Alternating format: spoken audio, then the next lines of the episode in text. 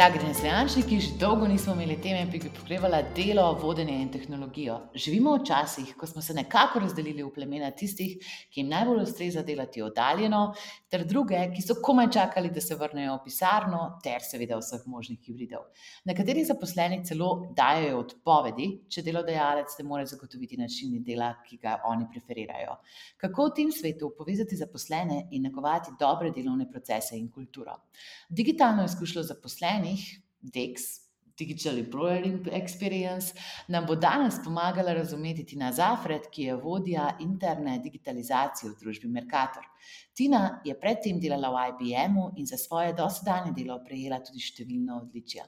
S projektom Mi.Mercator so bili finalisti Digital Workplace na European Excellence Awards ter prejeli nagrado za najboljšo HR prakso v letu 2022 v Sloveniji. Pred nedavnim je lansirala tudi svoj podcast Impliko Podcast, ki z gosti odkriva dobre prakse na področju izkušnje zaposlenih. Ja, Tina, tebi pa v življenju pač res ni dolg časa, ne? ni maja, živijo. Ja, jaz sem komaj da zbrala vse te podatke, da sem napisala ta tvoj intro, tako da jaz komaj čakam, da nam razložiš, kaj je digital experience in dobrodošla v svojo renesanso. Ja, najlepša hvala, hvala in uh, zdravo in živijo vsem poslušalcem tudi. Um, ful se veselim pogovora, uh, ful hvala v bistvu za tvoje povabilo in mislim, da bomo danes uh, marsikaj fajn, po, fajnega povedali o tematiki, ki je meni zelo, zelo ljuba in ki mislim, da je tudi pomembna, uh, da o njej govorimo oziroma um, da. Uh, Čim več uh, tudi podjetja slišijo, in uh, temu primerno potem tudi, uh, bom rekel, postopajo. Tako da, evo, jaz sem rekel. Na drugi strani tudi posamezniki, ne, zato ker se to dotika njih. Tako da jaz mislim, da jim podjetja in tudi vsi, ki delajo, da bodo v današnji epizodi najdel številne koristne informacije. Jaz resnično upam, tako da dejva. To je to, malo to naredba. Okay, čič, za začetek, da te malo še ugrejemo. Tina, kako bi ti opisala svoje delovno mesto v Merkatorju? Kaj ti delaš? Ja, ko si rekla, v bistvu, uh, da mi ni dolg čas, ne? res, v bistvu na celotni tej poslovni uh, poti mi nikoli ni bilo dolg čas. Uh, včasih se tudi hecam, da skozi delam eno dvojno delo, torej delo v službi in vse, z vsemi projekti uh, ob službi, ki sem jih vedno v bistvu uh, imela in vedno proaktivno poskušala pristopati na nekih področjih. Uh, Ki so mi bila ljuba, na katerih sem se želela razvijati, kjer sem videla neka povezovanja, in tako dalje. Uh, v bistvu, tako kot si omenila, sem bila deset let zaposlena v IBM-u, jaz sem bila v manjši konzulting v bistvu, uh, firmi, kjer smo se večinoma ukvarjali z nekim poslovnim coachingom, uh, potem pa je prišel Merkator. Um, zdaj, ja, v bistvu ta zgodba je bila zelo zanimiva. Jaz sem bila v, v IBM-u v, zadnjih treh letih uh, na delovnem mestu v bistvu key accounta oziroma skrbnika večjih um, strank v Sloveniji. In Merkator je bila ena izmed uh, tudi mojih, no, kjer smo oh, wow. v bistvu ja, fajn delali. In to je tudi na nek način se mi zdi potrovalo k temu, da so me potem v enem trenutku poklicali. In, uh, Rekli, če bi še kaj skupaj fajnega naredili, ampak na drugi strani, torej v vlogi, lahko rečem, zdaj kupca nekih tehnologij, Um, kakorkoli. Uh, zdaj pa moje delovno mesto uh, v Merkatorju je trenutno znotraj IT področja oziroma znotraj IT ekipe. V IT-u nas je 80, tako da jaz včasih rečem, da smo manjše podjetje uh, v podjetju. Um, In uh, v bistvu vodim, uh, bom rekel, ekipo interne digitalizacije. Um, zdaj, znotraj ekipe interne digitalizacije so na nek način tri področja um, oziroma tri, bom rekla, sklopi, tri ekipe, ki bom rekla, da na nek način, jaz vedno rečem, imajo tako eno povezano celoto in to je uh, delovanje na področju interne digitalizacije.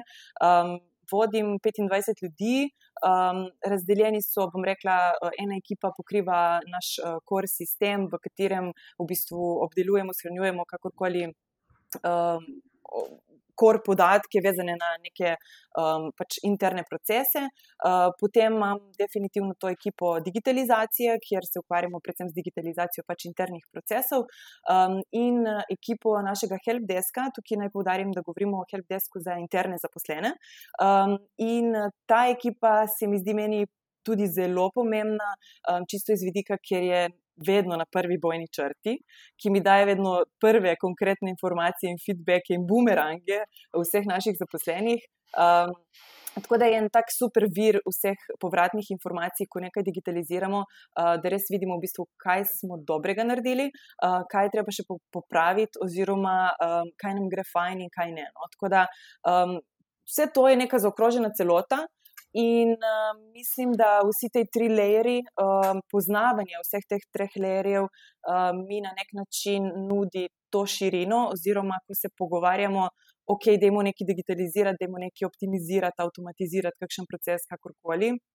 Uh, je fajn vedno, da v bistvu začneš, ok, kje imamo sploh te podatke in potem uh, kako uh, optimizirati. Uh, bom rekel, ali proces, ali pa tudi iz vidika samih nekih tehnologij, um, in seveda potem na kak način upeljati ta projekt v samo podjetje, in kako ga tudi suportirati uh, in pri upeljavi, in potem seveda um, support nekih uh, pri samem delovanju zaposlenih tudi um, v nadaljne. Tako da, uh, ja, ob tem pa sem uh, v bistvu umenila si že projekt, produkt, kakorkoli mi Merkator. Um, sem tudi. A jaz sem rekla, mi pika Merkator, tako da bi Merkator, ja, okay, je pravilno ime super. mi Merkator, uh, mi Merkator ga smo ga poimenovali, uh, mi pika Merkator, ja, če, če ne vidiš, je mi pika Merkator. Ne, pa se pika je tudi del vašega brenda, tako da tudi. ni drugih to fajn. tudi. Uh, tako da sem v bistvu tudi produktni vodja um, tega projekta oziroma te platforme. Um, in ja, to je tak en moj, bom rekel, fani del. Uh, vsak, vsak dan, um, ker mi je res fajn, ker v bistvu lahko preko projekta oziroma preko platforme in razvoja platforme. Bom rekel, tudi mogoče ta moj kreativni del, uh, mal, kreativnemu delu malo zadostim, uh, in uh, seveda vedno potem naredimo, ki je fajn, fajnega tudi za zaposlene. No? Tako, bil je večji projekt, verjetno pa tudi v nadaljevanju malo več povedali o njemu. Absolutno. Um, tako da, ja, evo, to je moj nek vsak dan. Um, in, uh, fajn je iz vidika v bistvu. Um, Digitalizacije, veliko se dogaja na tem področju, digitalizacija uh, in eksterna in interna je pač eden od strateških ciljev Merkatorja. Um, po drugi strani pa 25 ljudi včasih ni nek, bom rekla, um, na operativni uh, ravni um, izi zadeva um, in, uh, in tudi ta del torej razvoja meni ali pa razvoj. Um, mojega dela, kot, oziroma mojega, mojih karakteristik kot vodja, se mi zdi pač uh, pomemben korak naprej pri mojem poslovnem razvoju. Absolutno. Ja, veš, kaj sem jaz zdaj razmišljala, kaj si ti rekla, pač ta helpdesk.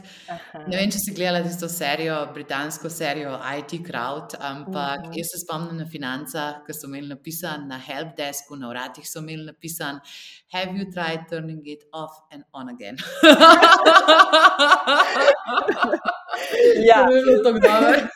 Ampak zdaj hibridnem svetu se mi pa zdi, da so malo bolj kompleksni problemi od tega, pač, da pač računalnik restartamo. Ja, dej, moram reči, da se vedno v bistvu hecamo tudi mi interno. Um, na naši WhatsApp grupi ali kjerkoli že, da v smislu, ja, ne, čim je karkoli narobe, ej, a si reštartal, no, da najprej s tem začnimo. Tako da, ja, je ena taka fani fora in uh, v bistvu. Včasih pomaga. Včasih pomaga. Dajmo biti iskreni. to je res. Ampak, gledaj, v tem hibridnem svetu, pa kako ti osebno ti opredeljuješ digitalno izkušnjo zaposlenih? Ja, zdaj mogoče govorimo o nekem buzzwordu ali pa tudi ne. Um, jaz bi mogoče šla en korak naprej. Um, En korak nazaj, no? in uh, tudi vem, da imaš v bistvu ti veliko poslušalcev um, marketinškega kova ali pa ja. pač uh, usredotočenih bolj na customer experience, in mislim, da je mogoče ta izraz bi jim bil bližje.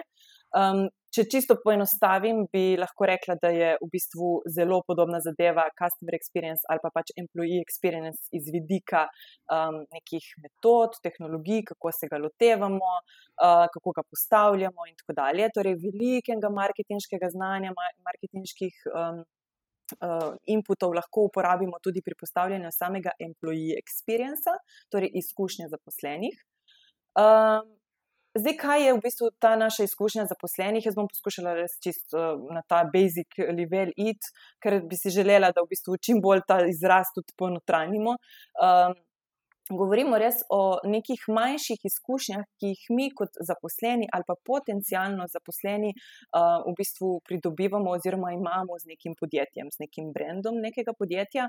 Um, tukaj na neki posrednji ali pa neposrednji ravni. Ne? Torej, če se lahko rečem, ajde z Merkatorjem, torej tudi že kot kupec srečujemo, si že nekaj ustvarjamo, neko mnenje o, o samem Merkatorju, delovanju, o brendu, o načinu delovanja na trgu.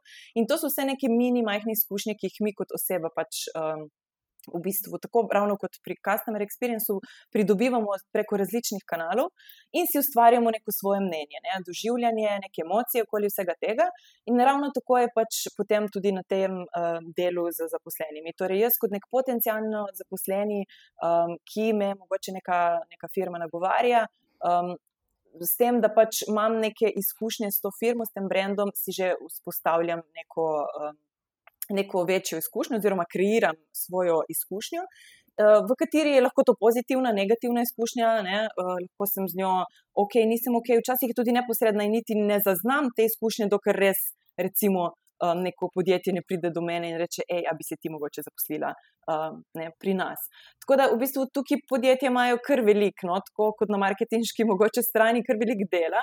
Um, mogoče, oziroma menim, da se same izkušnje zapos zaposlenega nismo tako um, strukturirano do sedaj um, še. Um, bom rekla, lotevali, oziroma nismo imeli tako v strateškem nekem vidu, uh, kot mogoče marketingeri, um, ta customer experience.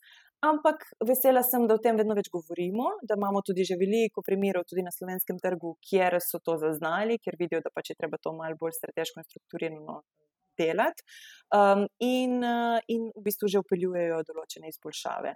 Um, tako da jaz bi rekla, da v bistvu customer experience začne uh, s tem, torej v nekem že pred rekrutingom, no, v nekem procesu nagovarjanja in temu, da se pač srečujemo s podjetjem, in seveda potem, ko um, nas neko podjetje uh, v bistvu vabi v svoje vrste ne, ali pa nagovarja, um, do tega, da potem v bistvu vse procese povezane z. Za samo zaposlitvijo, in seveda z um, nekim našim delovanjem v podjetju, in celo potem nek, um, bom rekla, offboarding, oziroma neko delovanje, že ko grem iz podjetja, tudi takrat ta izkušnja ostaja. Imam to izkušnjo ne? in ja, zakaj pa ne potem v bistvu tudi to izkušnjo kot podjetje nagovarjati kasneje, v primeru, da si želimo koga tudi vrniti nazaj v podjetje. Skratka, gre za en velik sklop manjših izkušenj, ki uh, se nam dogajajo nekem, na, nekem, na neki poti. Um, Na nekem črnju nekega zaposlenega, um, in um, ja, veliko dela tukaj v bistvu čaka podjetja, če želijo to izkušnjo nadgraditi, izboljšati, eh, zelo dobro definirati in tako dalje. Potem pa enkrat, ko imamo v bistvu načeloma ta employee experience dokaj definiran, ga poznamo, vemo, katere procese vse vključuje, eh, pa lahko začnemo se tudi malo bolj konkretno pogovarjati o digitalni izkušnji.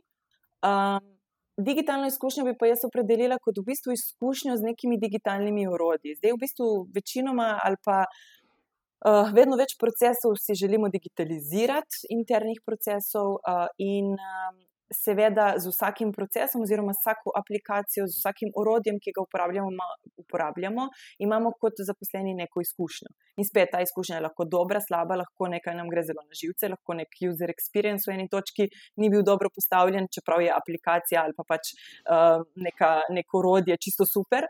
Um, in to veliko vpliva v bistvu uh, potem in na naše doživljanje uh, v samega procesa delovanja v podjetju, seveda na produktivnost, zelo, um, veliko krat tudi na povezovanje um, in, in tako dalje. In v bistvu um, tudi ta digitalna um, izkušnja ni lahka, predvsem za podjetja. Um, Ki so zelo razvejena, mogoče večja, kjer je treba tudi veliko delati na tej digitalni izkušnji, čisto z vidika, mogoče najprej optimizacije samih tehnologij.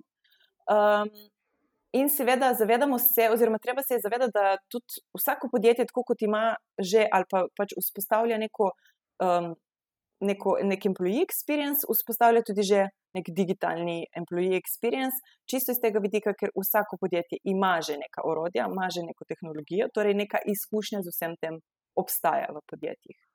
In spet tukaj rabimo potem kot mogoče neko nadgradnjo najprej to razumeti, strukturirati in postaviti v neko, nek, neke ukvirje in potem začeti to nadgrevati.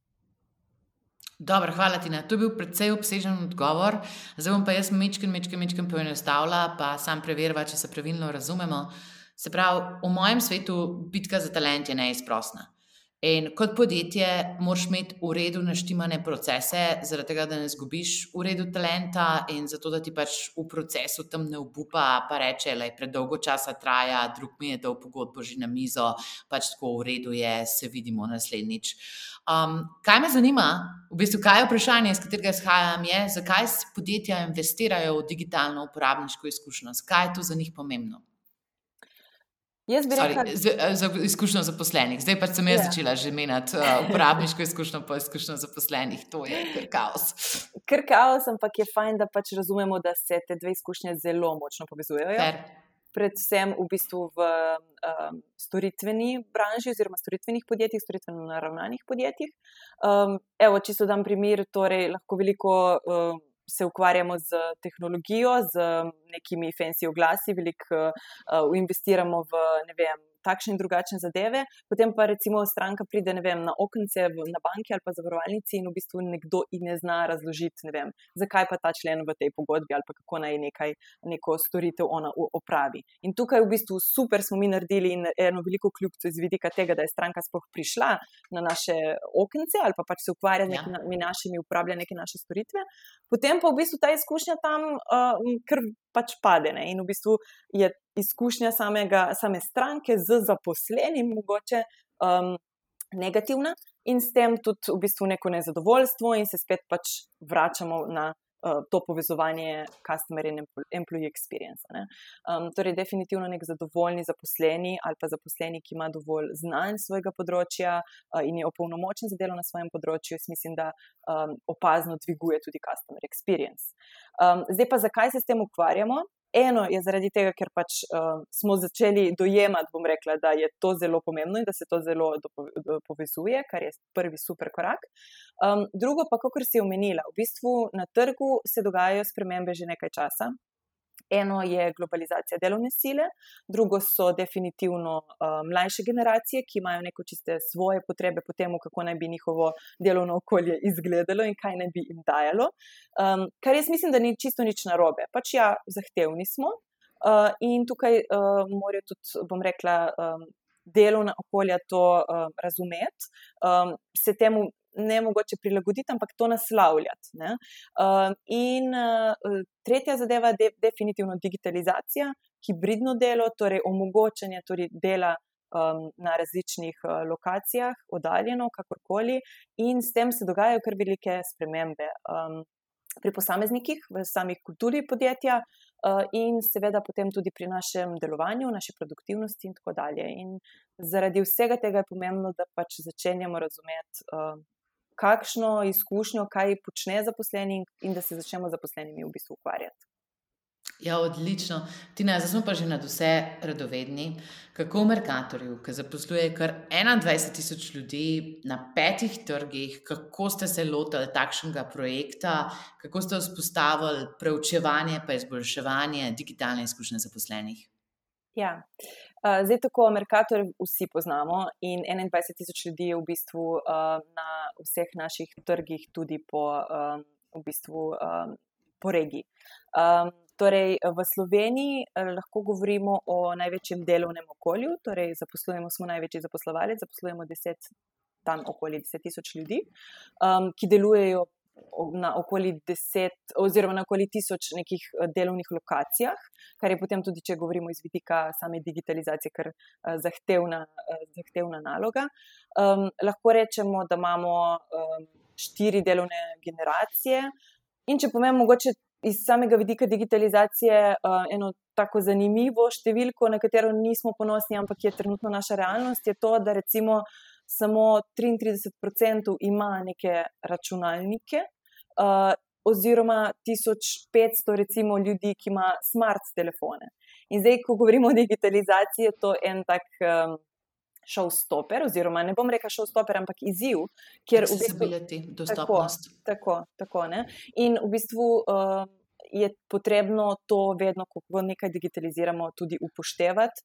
Um, tudi iz vidika pač varnosti, oziroma teh security vidika. Um, tako da, ja, mi smo, potem, ko smo rekli, ok, mi želimo povezati regijo, želimo povezati uh, regijo z neko komunikacijo, z, želimo jim dostaviti. Torej, um, Oziroma, začeti uh, z digitalizacijo vseh njihovih delovnih procesov. Uh, želimo te procese čim bolj poenotiti, oziroma dati na neko um, enako ali pa isto platformo, da bi jim bila tudi ta user experience čim, bliž, čim bližje.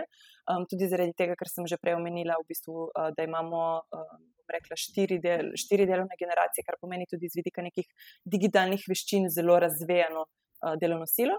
Um, in um, ja, to nam je uspelo, v bistvu mi, Merkator platformo, uh, smo, um, bom rekla, uh, postavili kot neko. Uh, strateško in, eh, bom rekla, um, strateško platformo, na kateri združujemo vse to. Um, in ja, ni jo bilo težko vzpostaviti, ne? je bilo pa težko narediti v bistvu sam koncept, kaj bo zdaj ta platforma nam vse omogočala, in seveda, kako bomo sam ta projekt tudi upeljali v podjetje.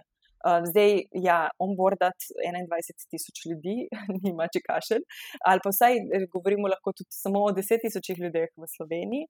Um, in, in tudi to nam je predstavljalo v nekem, bom rekla, uh, delu našega uh, vzpostavljanja platforme izziv, uh, ki smo ga uspešno, bom rekla, prebrodili, je pa to seveda proces vse skupaj. Kako smo se pa same, bom rekla, spet tega, no, če povezujem prej z neko teorijo. Um, lotili same vzpostavitve. Um, ja, povezali, najprej smo rekli, ok, kakšen je zdaj naš employee journey, ne? torej kdo so vse te neke persone v našem podjetju. Tukaj lahko govorimo o um, redno zaposlenih, o agencijskih delavcih, o študentih, um, o zaposlenih, ki so v režiji, torej uh, v bistvu ne, v neki. Um, režijskim delavcem in seveda vsem, vseh delavcih, ki so v operativi, v logistiki. Um, in uh, pogledali vse to, okay, kako pa oni dostopajo, kaj, kakšne opremo imajo, iz kje bojo oni sploh, ne, na kak način se bodo povezovali, um, in, in začeli v tej smeri potem vse skupaj razmišljati. Potem pa, ko smo imeli. Te persone, smo rekli, okay, kakšen je zdaj ta journey pri vseh teh personah in kakšni so procesi povezani um, z, z personami oziroma s tem samim črnjem, od tega, kako vstopajo podjetje, kako jih nagovarjamo, kje jih dobivamo, um, do tega, kako jih potem tudi onboardamo. Seveda so različni načini, um, seveda so tudi različne zahteve. Um, in seveda so tudi različni neki nivoji razumevanja, uh, nivoji digitalnih veščin, in tako dalje.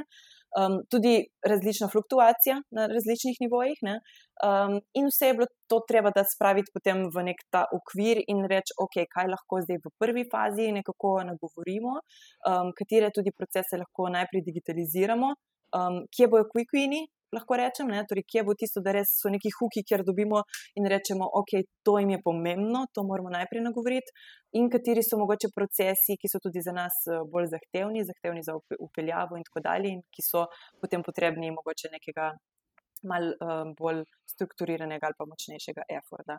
Um, in um, Ko smo imeli v bistvu procese popisane, smo seveda najprej pogledali tudi, kateri so že digitalizirani, katere lahko takoj priključimo na platformo ali preusmerimo na samo platformo, in kateri še tudi uh, jih želimo, so trenutno še na papirju, tega je še kar nekaj, ker pač digitalizacija je ongoing projekt. In um, katere potem v bistvu uh, si želimo v neki tudi prihodnosti, um, bom rekla, digitalizirati, priključiti in seveda jih tudi spraviti v prakso. Tako nekako je to šlo. Ja, koliko časa pa trajajo te take zadeve, koliko časa je trajal ta projekt? Zdaj smo rekli, da so definitivno um, ongoing projekti. Um, to je več manjših projektov znotraj pač večje, večje sestave oziroma večje platforme. Um, zdaj, postavitev same platforme, hvala Bogu, smo se takrat lotili pred korono, tako da je v tem koronskem času smo imeli vzpostavljen vsaj kanal preko vseh trgov za, za uh, komunikacijo, um, kar je bilo res poglavitnega pač pomena. Um, da, lahko, da smo lahko hitro komunicirali, da smo povezovali. Za mene pa je vprašanje, ali to so kaj Microsoft Teams ali kaj ta platforma? Ne, govorimo o platformi, ki smo jo skupaj razvili. A, z, že je razvito, super. Okay. Tako, v bistvu uh, govorimo o platformi, ki um, pač smo jo razvijali skupaj z Gitevi Solutionom, našim v bistvu uh, zunanjim partnerjem. In tukaj moram povdariti, da gre za našo uh, lastno oziroma uh, razvito platformo, ni to del nekih korporacijskih rešitev, um, kar je fajn iz vidika, da pač imamo vedno možnost neke kreative um, in prilagoditve na neke naše procese. Um, torej, ne vem, tam čisto primer iz prakse. Lani smo rekli, ok, mi bi radi imeli chatbota. Ne? In smo pač rekli, ok, kako bomo mi do chatbota prišli, in smo uh, pač našli zunanjega, pač, uh, bom rekla, uh, zunanjega partnerja za chatbot, in smo potem to lahko hitro priključili platformi, in smo, ne vem, zelo lahko jo tudi, uh, bom rekla, pobrendirali v naše barve. Um, in to je vse pol nek tak kreativa, pride ideja, gremo v akcijo, gremo v razvoj, potestiramo. Um, kaj zgrešimo, rečemo, ok, pač to ni šlo, ok, moramo iti nazaj, spet to razvijamo in spet damo potem v prakso. In to je neka svoboda, ker pri nekih korporativnih rešitvah si mogoče malo bolj omejen uh, ja. z nekimi funkcionalnostmi. Ne? Um, in glede na pač našo razvijenost in veličino, nam to daje res svobodo in kreativo. Po drugi strani je pa pač ja, zelo odvisno v bistvu od tvojega nekega znanja, razmišljanja, kako se lotiti tega. Uh, in kako si potem tudi agilen, ne? in kako hitro lahko reagiraš na določene stvari. Tudi kako dobro si, dosti krat vidimo, kakšne fejle pri samem user experiencu. Ne?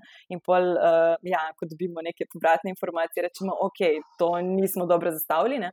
Jaz tle dosti krat rečem, ok, uh, lej. Ne, fail fast in gremo nazaj, in uh, se hitro nekaj naučimo, in uh, pač uh, agilno mogoče pristopamo, ampak uh, ja, to je potem za to vse, bom rekel, nek proces. Tako da v bistvu vzpostavitev same platforme je šla dokaj hitro, zdaj pa pač delamo na tem, da um, dorazvijamo um, oziroma digitaliziramo nove procese, do, dorazvijamo nove rešitve, predvsem pa tukaj, bom rekla, dajemo v spredje naše ljudi v pač maloprodajnih enotah, v logistiki, kjer nimajo mogoče um, res te. Um, bom rekla, priložnosti imeti neko svojo um, službeno digitalno napravo in kjer v bistvu preko platforme potem jim poskušamo um, tudi neke njihove in dokumente.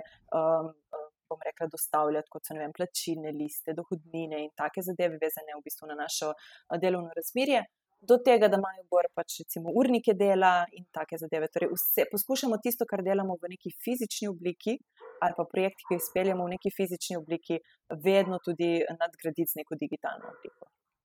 Vrhunsko. In zdaj, verjetno po vseh teh letih, se pravi, če ste pred koronom že začeli, imate verjetno že neke KPI-je, neke meritve učinka teh projektov. A bi bila pripravljena z nami mogoče deliti kakšen uspeh tega projekta, kakšne merljive učinke? Uh mhm. -huh. Ja, jaz sem tako zelo analitična oseba, oziroma imam rada številke. To imamo tudi na podkastu, zelo radi, tako da bring it on. uh, ja, tako da v bistvu jaz sem zelo ustrajala pri tem. Mi za vsako funkcionalnost razvito proces, uh, karkoli, ne vem, tudi sam dokument, ne, recimo plačilno listo, mi rabimo metod analitiko.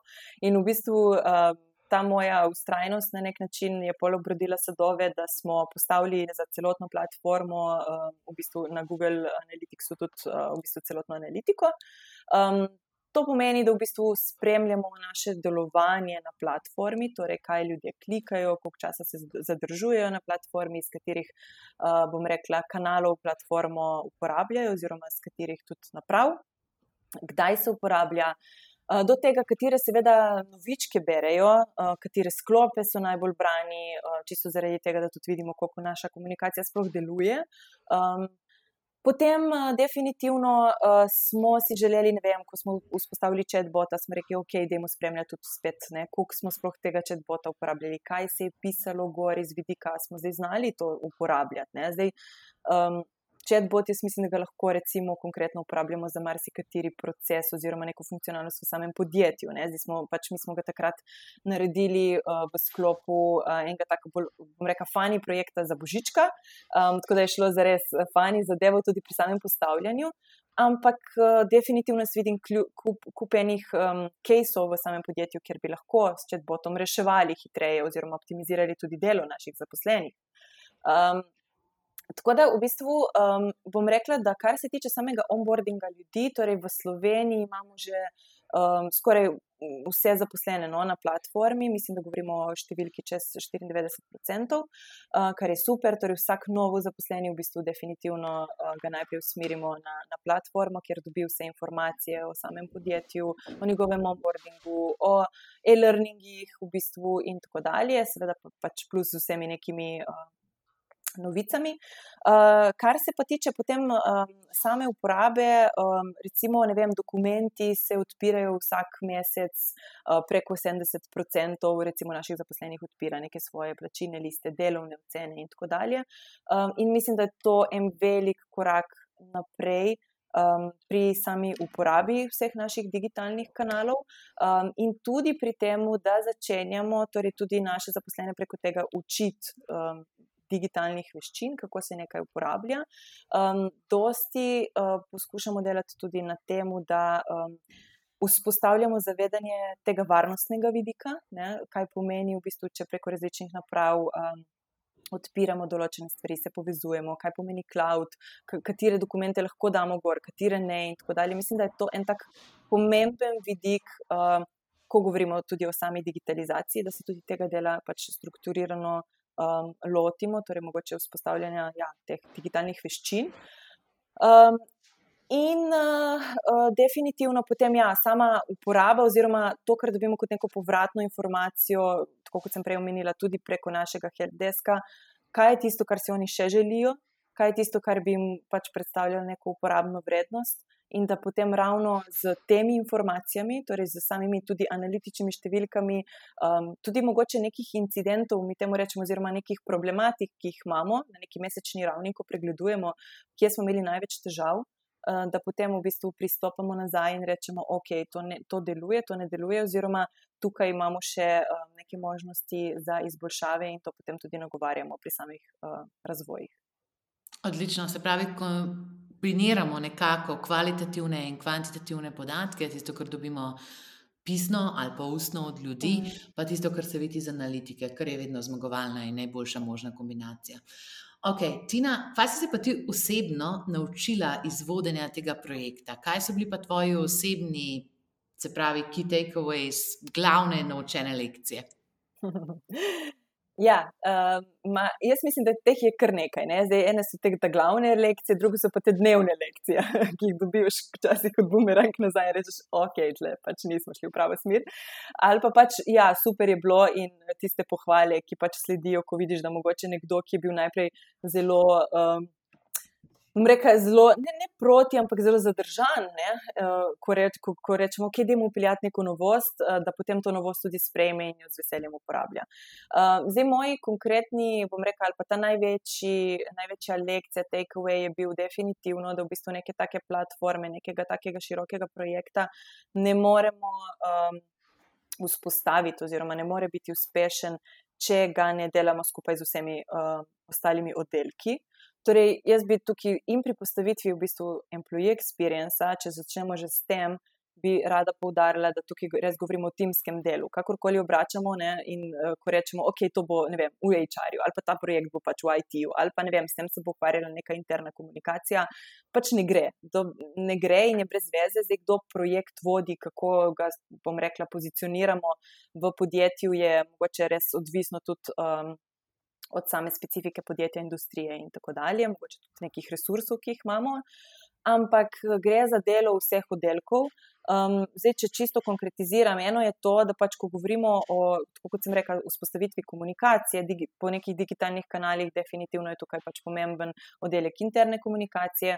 Ko govorimo o brendiranju, ko govorimo o vzpostavljanju nekega omnichannel vidika, ne? torej da naš zaposleni ne razume samo pač neke interne stvari, ampak seveda se ukvarja tudi z vsemi internimi kanali, uh, ve, kaj se, ne vem bom rekla, ne vem, katere kupončke imamo, katere um, akcije imamo trenutno in tako dalje. Torej, ima ta omnichannel pristop, je pomemben digital vidik. Um, Digital vidik je definitivno, oziroma digital oddelek pomemben ali pa marketinški, kakorkoli, uh, pomemben tudi iz tega vidika povezovanja, kot smo prej že govorili, uh, z customer experienceom ne? in seveda iz vidika UX-a. Torej, mi imamo tudi, bom rekla, kadre, ki trenutno veliko, veliko pomagajo na naši strani, torej ne, pri vzpostavitvi samega employee experience-a, Um, in isti kadri se ukvarjajo tudi z user experienceom na strani pač marketinškega ali pa pač tega customer dela. Ne. To je dobro. Um, ja, to, to se je pokazalo, v bistvu, moram reči, za full pozitivno, um, ja. ker na tak način v bistvu lahko tudi zelo lepo povezujemo ta employer branding z nekim brandingom eksternim. Um, In, in ne vem, evo, danes smo spet vzpostavljali en, en projekt, no, oziroma neko novo funkcionalnost. In smo se veliko pogovarjali, ok, s katerimi hashtagi, ne? čisto tako banalna stvar, ne? ampak s katerimi hashtagi bomo pristopali. Uh, in smo rekli, ok, kje hashtage pa v bistvu uporabljamo trenutno v kampanjah. Ne? Te hashtage morajo naši zaposleni pač um, tudi razumeti, jih poznati, vedeti, zakaj v bistvu jih uporabljamo in tako dalje. In spet govorimo o nekem povezovanju. Ne?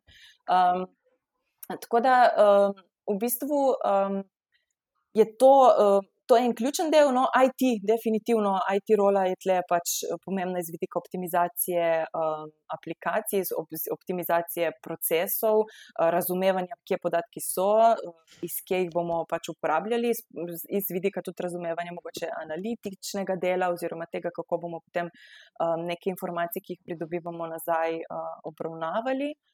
Um, In seveda, torej, uh, del vodi, ne, oziroma ali mo mogoče bi mogli s tem tudi začeti, vsi ne vem, ne, ampak uh, ta vidik, torej, da nekdo razume, zakaj to počnemo, oziroma da je to nek top-down, bom rekla, pristop oziroma odločitev tudi nekega. Uh, vrhnjega menedžmenta, pa potem tudi vseh vodij, ki um, vodijo ekipe, ki imajo, bom rekla, pod sabo ljudi, um, da spodbujajo delovanje, da spodbujajo uporabo, um, da razumejo, uh, zakaj vzpostavljamo nekaj takega. Um, to ne smemo pozabiti. In zato tudi pri upeljavi v bistvu vseh teh projektov, tudi same, samih digitalizacijskih projektov, če se čisto tukaj ne usmerimo um, samo na konkreten projekt, recimo mi, Merkatorja, tudi vsega ostalega, kar pač počnem um, v vsakodnevni fazi, vidimo, koliko je pomembno um, da so vsi bajini, bom rekla, interni, uh, narejeni, uh, da, da, da pač posamezniki razumejo, v kaj gremo, v kaj počnemo, koliko je mogoče širine, um, in da potem tudi uh, sami prispevajo k boljši implementaciji in uporabi um, potem nekih orodij. Ja, vrhunsko, to si pa res lepo povedala.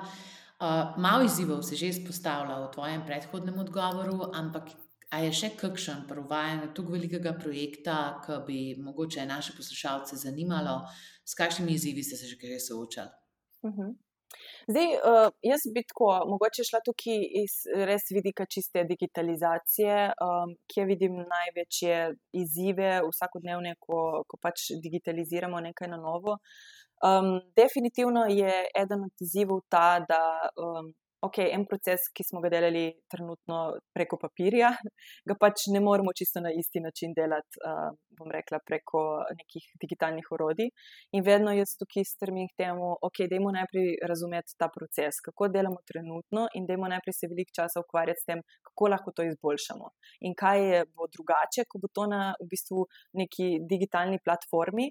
Um, in kako lahko to optimiziramo, kako lahko, to, lahko v bistvu uh, optimiziramo naš nek čas. Mislim, da je to tudi en, ko, ko smo prej govorili o nekih merljivih učinkih, definitivno pač optimizacija naših delovnih časov, um, olajšanje nekega našega dela vsakodnevnega. Uh, zviševanje produktivnosti definitivno mora biti povezano z um, v bistvu digitalizacijo, ker če nekaj digitaliziramo in vložimo kar veliko denarja, in potem na koncu ugotovimo, da smo uh, bolj počasni ali pa še trikrat več ljudi vključenih v sam proces, je to en velik fail.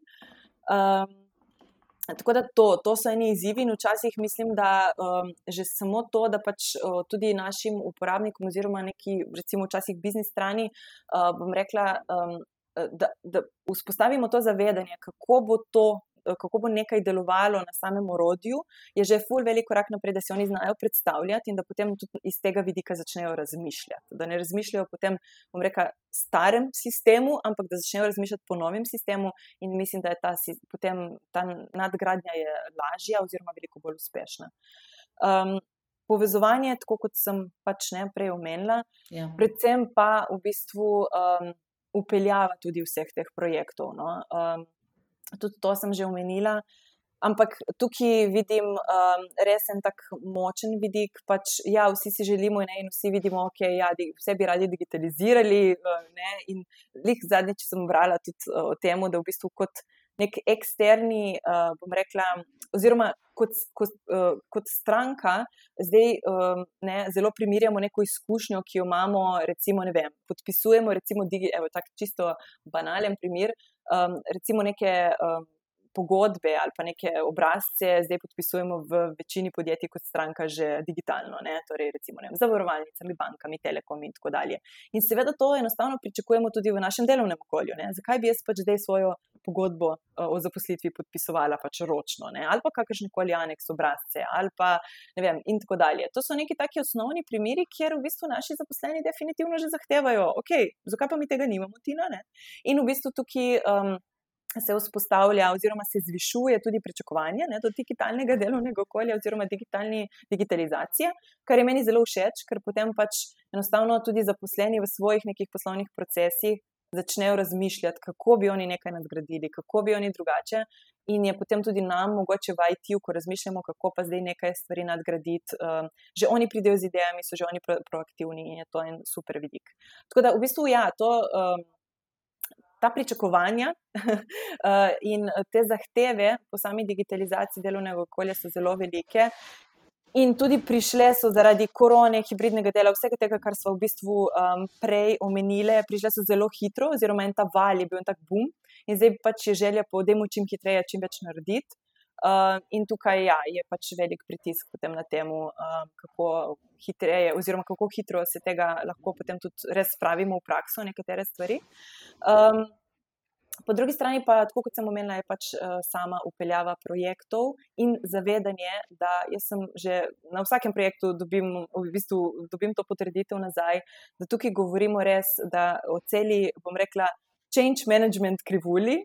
Torej, gremo v bistvu čez čisto vse faze neke uh, change management krivulje po, po neki teoriji, torej od tega, da pač eh, se upiramo spremembam, do tega, da pač jih poskušamo pol razumeti, da ja, jih že malo sprememo, pa spet pademo v neko fazo, zakaj je to sploh nam treba. Um, in tako dalje, do tega, seveda, da počasi tudi potem razumemo, sprejemamo, se poistovetimo s tem um, in pač gremo lažje uh, potem tudi naprej. Tako da, predvsem za tiste, ki uvajajo digitalizacijo. Um, jaz mislim, da moramo imeti vedno to v mislih. Torej, ko rečemo, ok, super, gremo na neko novo aplikacijo, novo orodje, moramo, reč, oziroma moramo se zavedati tega, da naši zaposleni, oziroma da posameznik, ki bo začel to uporabljati, bo šel čez vse te faze. In bo vse ta čustvena stanja bomo mogli mi nekako nagovoriti, oziroma jih pač um, jih znati uh, tudi, bom rekla, menedžirati. Uh, in je fajn, da v tem tudi razmišljamo naprej, preden damo projekt, eh, preden gremo go live, bom rekla, oziroma da damo projekt v realnost. Um, in seveda komunikacija, komunikacija, komunikacija. Ne. Tukaj um, definitivno preko različnih kanalov. Um, Na različne načine prilagoditi z neko komunikacijo, z motivacijo, um, tudi s tem, komuniciramo, zakaj je, ne, torej zakaj nekaj delamo, zakaj moramo spremenjati, predvsem to, ne, ta sprememba. Vemo, da jih nimamo radi, že kot pač, uh, posamezniki, kaj šele potem, ko se, to, ko se s tem srečujemo v nekem delovnem okolju. Um, zato pač res razmišljati o tem, ko digitaliziramo oziroma uh, gremo s projekti v, v prakso. Kako bomo na čim lažji in čim bolj razumljiv način pristopili do tistih, ki bodo to uporabljali in, uh, te, in dobili njihov buy-in spet. Ne. Tako da, evo. Ja, dva zapiska sem si naredila tukaj. Le. Eno je nujno zgugli, kaj je krivulja change managementa, ki mi je bilo tako malo naroden, da ne vem, tako da ja, to bom zdaj jaz preiskala. Ta druga pa komunikacija vrsi s to, da ljudje nismo bili tako ful entuzijastični, da bi šli na še en sestanek. Zdaj imamo kar preveč sestankov, oziroma komaj da vlajdemo čas, da sploh še kaj naredimo. Tako da, ko meni nekdo reče komunikacija, komunikacija, komunikacija, se jaz pač tako malo prekrižam in rečem, joj, pa ne še en sestanek, tisto kaj. Tako da ne vem, a poleg sestankov je še kakšna druga dobra praksa, zato da ljudje imajo vse informacije, da je ta komunikacija tekoča. Ja, um, definitivno in tudi jaz nisem pristaš. Uh, velik, velik, velik sestankov. Ne, to ne, to. ne, bi smel biti, ne bi smel biti, oni bi mogli biti mail. ja, uh, definitivno in zato pravim, da pri sami upeljavi v bistvu, bom rekla, digitalizacije procesov je fajn razmišljati vnaprej, ne, kako bomo na najbolj strukturiran, hiter način, pameten način in prilagojen način zaposlenim uh, v bistvu uh, skomunicirali to, kar želimo. Zdaj, ali je to od tega, zakaj smo nekaj delali, oziroma zakaj nekaj digitaliziramo, ali do tega, kako nekaj uporabljamo. Uh, ne, ni fajn, da dobijo naši zaposleni v roke, ne vem, koliko dolg, bom rekla, dokument tehničnih navodil, kako zdaj nekaj naj bi se uporabljalo v praksi. Ampak um, mi smo veliko začeli delati, v bistvu res dajemo. Um, ko, ko razmišljamo o tem, okay, kako bo nekdo nekaj uporabljal, uh, probamo se uživeti in uporabljati, bom rekel, ta del neke empatije, uh, kako bo nekdo uh, pač uh, uporabljal neko naše urodje, neko novo funkcionalnost. In uh, začeli smo pristopati na take bolj fajne načine, kratke načine, video načine, uh, ker smo ugotovili, da v bistvu ta vsa navodila to nič ne gre. Ne. In potem smo rekli, ok, dajmo mogoče na najbolj strukturiran način v minutnem ali dvominutnem filmčku in dati neke konkretne tiste. Ključne točke, katere morajo vedeti o uporabi. Ne? In potem na podlagi tega videti, v bistvu, ali rabijo še kaj dodatnega, preko katerega dodatnega kanala, ali um, ne vem, moramo tim se sklicati, pa pač še enkrat iti vse čez, ali na kak način. Skratka, poskušamo v bistvu um, prilagoditi to komunikacijo, um, seveda, ja, različnim generacijam, tudi uh, in tudi, bom rekel, s to stopnjo neke digitalne ozaveščenosti, ampak poskušati jim vse skupaj dati na nek tak um, fani način. Ker smo videli, da to na nek način deluje, to se celo uporablja, celo se pogleda vse te filmčke, oziroma pač ne, veliko bolj kot mogoče prej neka tehnična navodila. In ja, ta, to smo videli, da deluje. No? In tako da, evo, zdaj sem jih uh, danes tudi no, ravno pri tem projektu, ko smo, ko smo rekli, da gremo upeljati novo funkcionalnost na platformo, sem rekel, ok, ampak zdaj idemo razmišljati, kako bomo to upeljali, ker če bomo spet samo razvili in vložili tle le kupenega denarja in na koncu. Se to ne bo uporabljalo, to na nek način nekdo ne bo vesel. Ne? In so prišli kar sami z idejo, in tle sem bila tako, ker uhu, ponosna, um, da gremo narediti en TikTok. Najprej v bistvu bomo eh, naredili TikTok, kako naše vodje to uporabljajo. In iz tega bomo to podelili po naših kanalih, in potem iz tega začeli v bistvu govoriti, uh, tudi zakaj je to dobro, kako uporabljamo, in tako dalje, in šli bolj na ta del uporabe, ne? torej na, na neka navodila, bom rekla, v video obliki. In evo, tu sem bila ful tako, no, pač navdušena in bom rekla, neka potrditev, da, da nam prihaja to počasi tudi nam, ki sodelujemo na projektu v praksi.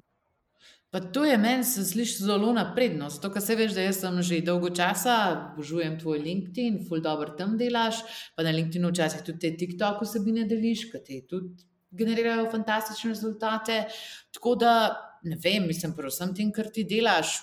Dve vprašanji. Prvič, kako najdeš cajt, drugič pa kaj te sploh motivira. Primarno, kaj te sploh motivira. Primarno me motivira v bistvu to, da res rada počnem to, kar počnem. uh, mislim, da v bistvu um, ta del. Um, Oziroma, to področje um, dela z zaposlenimi, povezanega z digitalnim delovnim, oziroma z digitalizacijo in z nekim pogledom v prihodnost na tem področju, je pač nek moj pešen že kar nekaj časa. Um, in potem se veš, kako je Maja, ne? ko nekaj rad delaš, uh, potem si vedno najdeš čas za to. Ja. Kar, uh, ja, ne? v bistvu tle hitro pa lahko nek eh, ta work-life balance, čeprav moram reči, da mogoče niti ne. Tok ne verjamem v sam work-life balance, ampak to, da pač imamo eno življenje in ga moramo narediti uh, pač najboljše, kar se da, oziroma moramo se imeti fajn. Zato jaz tudi vedno pač z mojimi zaposlenimi oziroma v ekipi podarjam, In tako je tudi mogoče tudi ta vezano mal na TikTok nastal. Um, ko smo rekli, da gremo neki se med fajn, malo se moramo izključiti, da gremo narediti en TikTok. Ne? In v bistvu um, to se je pač eh, iz tukaj mogoče tudi. Um, So začele neke te kreativne vsebine tudi na tem kanalu no, vzpostavljati. Ampak ja, imeti se fajn v tem, kar počneš, oziroma uživati ali pa eh, razmišljati, in vse to je potem tudi lažje. Ne? In pol iz vidika tudi, bom rekel, samega napredovanja, razvoja uh, v neki karjerni smeri je uh, lažje in ja, definitivno si vzameš pol tudi čas. Fantastično. Ne, ta TikTok, mislim, to mene še vedno preganja, jaz tam nisem naredila še nič, razen dveh pasih videov. Um, tako da ne vem, moram se spet enkrat logirati gor, pa da vidim, kakšno črvino avstralcev spet zapadem. Avstralci pomenijo pri meni avstralski učari, ker me je algoritem že čisto preveč na pogruntu. Ampak, ok, če ti imaš pa en bolj zanimiv projekt v življenju še in sicer svoj podcast, ki se imenuje Impliko. Um, tako da to je še en takšen ful, ful, ful, ful, ful obsežen projekt, ki si, si ga zadala v življenju, ki vem, da se ga boš lotila resno in da boš uspela v tem, da si se pač tako res investirala noter in v kreative in v izbiro gostov, v zasnovo koncepta. Zakaj si pa to šla delati? Kaj te je pa to motiviralo, pa kakšni so cilji te platforme, podcasta Impliko? Ja, evo, to je bil še en projekt, um, ki, ki v bistvu um, je pač nastala neka ideja že pred časom, pa sem pa to mal probala uskladiti, seveda tudi s svojim delovnim časom in tako dalje. In na koncu sem rekla, evo, moram še v to smer mal tudi zaradi sebe, svojega razvoja, bom rekla, oziroma uh, mal sem bila tudi bom, radovedna, kako sploh uh, mi bo to šlo in zakaj bi tudi, uh, bom rekla, ta kanal uporabljala. Ampak ja, kako, uh, torej, ko govorimo o impliku, govorimo o podkastu, ki se dotika v bistvu teh bom, treh ključnih področji, o katerih smo tudi danes veliko govorili in se nekako lepo, bom rekla, um, prepleta, prepletajo z mojo. Trenutno tudi funkcijo v pač Merkatorju. Um, torej, govorimo o employee experience, o um, digital workplace, oziroma ravno o digitalnih nekih delovnih okoljih, in o future of work, oziroma nekih novih pristopih k delu. Jaz mislim, da so to neke tri tematike, ki so aktualne, ki tudi vedno bolj bodo v prihodnosti, ker se veliko dogaja na vseh teh področjih, veliko sprememb. In um, ja, to je bil mogoče nek prvi puš, torej eno rada. Delam, oziroma, rada se pogovarjam, rada razmišljam, rada berem, um, kaj se dogaja na tem področju in kam gremo. Um, rada pa tudi v bistvu delim ta znanja. Um, mislim, da je eden od teh, verjamem v to giving back, no, um, community ali pa pač posameznikom, ja. kakorkoli. Uh, in, uh, in zato rada se tudi povezujem. In, in mislim, da ta nek koncept potem podcasta in neke nove, novega kanala je bil super. Um, in je prav pač rekel, ok, Tina, ti moraš iti v to smer. Um, Tako da v bistvu tudi to povezovanje z nekimi odličnimi gosti. Jaz verjamem, da v Sloveniji, jaz sem zdaj najprej v bistvu samo, samo teritorij ali kakorkoli bom rekel, sem. Um, Fokusirala sem ga pač na slovenski trg trenutno, um, s tem, da bom mogoče malo neko, če govorimo o ciljih, tudi neko tiho željo, še kakšen tuji trg ali pa pač mogoče. No, to je naslednje vprašanje, ki si ga kar lepo začela, tako da le hibridno naredi vse. uh, ja, mogoče imam, imam neko željico, no, ker vidim, da tudi, mislim, verjamem, da imamo odlične ljudi uh, in uh, tudi dobre prakse že vzpostavljene tako na slovenskem trgu, kot tudi mogoče uh, na kakšnem trgu. Uh, okoli naše ljube Slovenije. Uh, to vidim tudi uh, preko torej Forte Nova, kot v bistvu nek lasnik eh, Merkatorja, veliko delamo z, z ostalimi podjetji, ki so uh, del same, bom rekel, korporacije. In uh, vidim, da so izkušnje, vidim, da so super ljudje tudi na teh trgih, v drugih branžah, kakorkoli. Um, in zato bi rada, da v bistvu vsi delimo te izkušnje, uh, s tem, ko si delimo, tudi vsi napredujemo, verjamemo to. Uh, in na tak način se mi zdi, da lahko potem tudi neko skupnost, neko delovanje oziroma konkurenčnost nekih naših podjetij. Um, ne, če smo spregovorili o globalizaciji delovne sile, ja, globalizacija je tudi itak ne, en del, pač, eh, v katerega gremo tudi iz vidika podjetja, oziroma smo že tam. Um, tako da, ja, to so bili neki vzvodi, neki puši. Um, predvsem pa uh, potem, ja, kako rečejo, the future is unwritten. Zdaj pa za konc, pa glede na to, kakšen del podcasta smo posvetili projektu Mi Merkator, pa sigurno, kakšni naši poslušalci se tudi s takimi velikimi, ambicioznimi projekti soočajo. Kaj bi jim svetovala, kako tisti, ki so naredili res izjemen projekt, širijo disciplino in navdušenje in na uspešen način komunicirajo ta projekt, kot si ti to danes naredila? Um, ja, jaz bi rekla, v bistvu, najprej, če si nekaj fajnega naredil ali pa si želiš narediti ali kakorkoli, torej vidiš neko dodano vrednost na nekem področju, pri projektu, procesu, kakorkoli že. Um, najprej mogoče zavedanje tega, zakaj to počneš, uh, kakšni so tvoji cilji tukaj, torej da sam sebe malo izprašaš. Mislim, da je to ena taka, tak basic in taka neka osnova, da vidiš, v katero smer potem tudi iti in na kak način tudi to uh, potem izpostavljati oziroma uh, mogoče uh, malo bolj ali spromovirati, kakorkoli. Um, potem pa, če si nekaj že dobrega naredil, če je nekaj uspelo. Um, in bi rad ali sam sebe, tudi, bom rekel, pušil na tem področju naprej, se razvijal ali še koga vključil, kakorkoli. Mislim, da imamo v bistvu ena dobra stran vseh socialnih kanalov, je definitivno um, to, da pač ima vsak možnost um, nekaj sporočiti, komunicirati um, in seveda na pravilne načine, mogoče strukturirane načine. Včasih, ko gledam kakšne komunikacije, so tako, ker ojoj. Tako da, ja, če se nečesa pač lotiš, um, bodi v bistvu uh, imej neko strukturo, imej neke plane, imej neke cilje in potem na tak, bom rekel, z, z malimi koraki pedi v to smer. Um, definitivno razmišljaj, uh, komu bi bilo to tudi uporabno, zakaj bi bilo to uporabno. Um, torej, um, na kak način lahko to širaš, na kak način lahko mogoče to še s tem, komu pomagaš. Um, in potem pejdi go, in, uh, in to je to. Ne, ne se bat, včasih tudi fejlat, mislim, da tudi vse te fejli nam pomagajo. Uh, in um, bom rekla, nas spravijo mogoče kakšen korak nazaj in rečemo, ok, to pa ni šlo. Ampak to ni nič, ne. Uh, nič, bom rekla, napačnega, mislim, da to je del neke zgodbe. Um, in na koncu v bistvu um, poskuša iz tega ja, nekaj zase narediti, pa ne narediti tudi v bistvu to za neko skupnost, družbo, kakorkoli.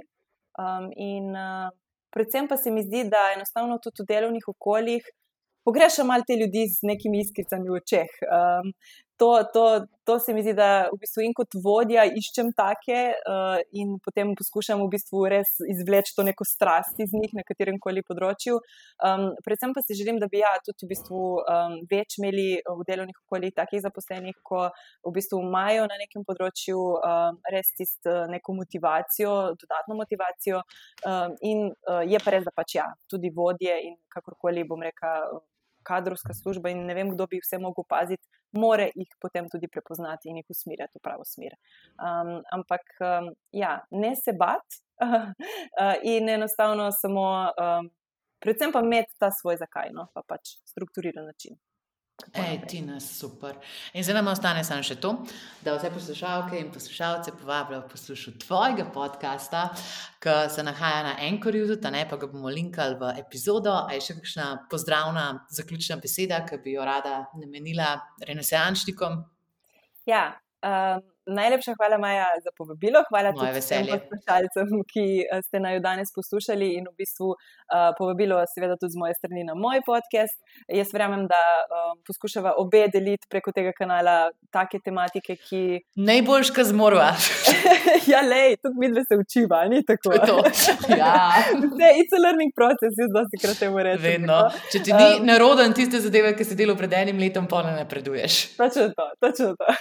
in mislim, da je to lahko najna v bistvu zaključna misel, uh, da pač ja, vsi se na koncu učimo, vsi pravimo v, v nekem trenutku narediti our best uh, in, in da je to edino pravno. Tako da v bistvu ja, tudi z nekim povezovanjem in s tem, da sami sebe in druge pušamo v neki smeri razvoja. Uh, mislim, da lahko tukaj marsikaj naredimo in za posameznika, za podjetja in potem posledično za družbo.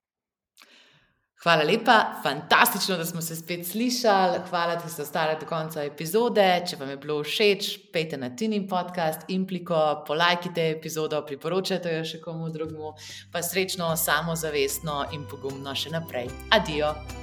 Adijo, hvala, čau.